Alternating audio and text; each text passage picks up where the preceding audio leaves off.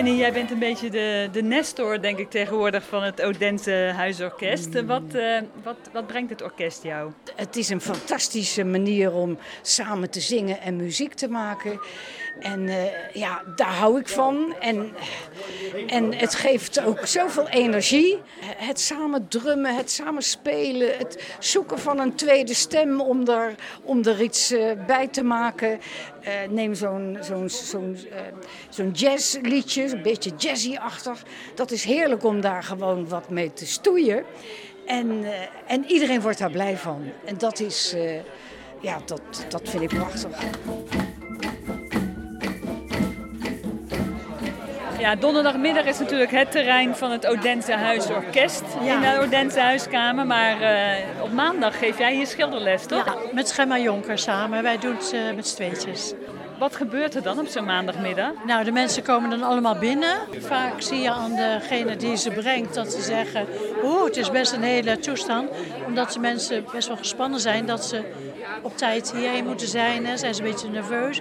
Uh, naarmate de middag vordert zijn ze helemaal in trance eigenlijk. Dan zijn ze alleen maar met hun werk bezig. En dan gaan ze zo voldaan naar huis toe. Nou, dat is gewoon superleuk. Yvonne van Balen, ja, de directeur van Voorschoten voor elkaar, of moet ik een andere titel gebruiken? Officieel directeur-bestuurder, maar uh, Yvonne van Balen, dat is goed genoeg. Ja, vandaag is het vijf jaar uh, Odense Huiskamer. Uh, wat betekent die huiskamer voor, voor Voorschoten en voor Voorschoten voor elkaar? Um, ja, heel veel. Dat is een hele mooie plek geworden waar we mensen met beginnende geheugenklachten kunnen opvangen. En doordat we dat doen in ons eigen buurthuis, is een hele mooie wisselwerking. Want naast dat het Odense huiskamer is, gebruiken we de ruimte ook voor allerlei andere activiteiten. En wederzijds is hij prachtig ingericht, mooie stoelen en echt een, warme sfeer. En dat doet heel veel voor de bezoekers van de Odense huiskamer. Maar ook meteen voor allerlei andere inwoners van Voorschoten, omdat we gewoon de hele week dezelfde ruimte voor allerlei dingen gebruiken. Ja, op maandag is er dan de, de schilderles en op donderdagmiddag uh, het orkest. En wat betekent dat soort ja, zeg maar creatieve workshops of middagen voor, voor, de, voor de bezoekers?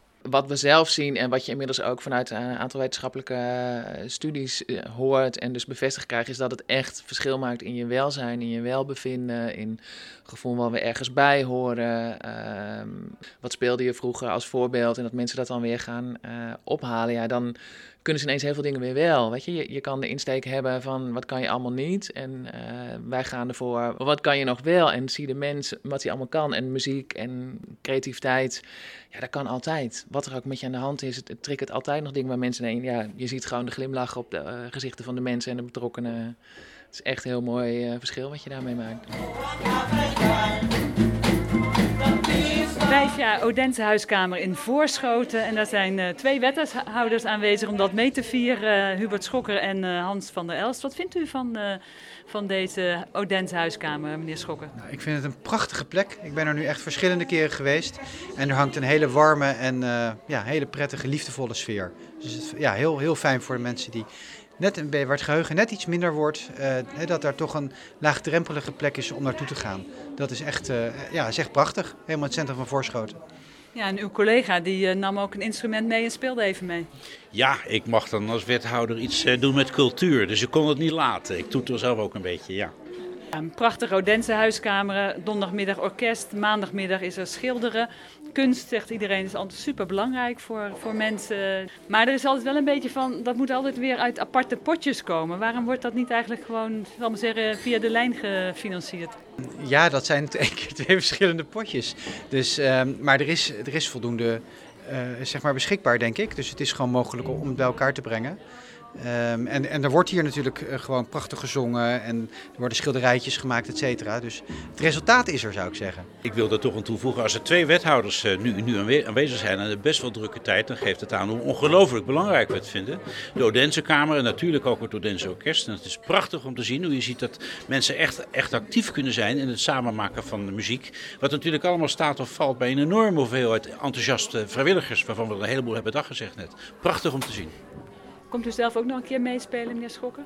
Ehm, nou, meespelen niet, maar wel meezingen en uh, mee bewegen, zeg maar.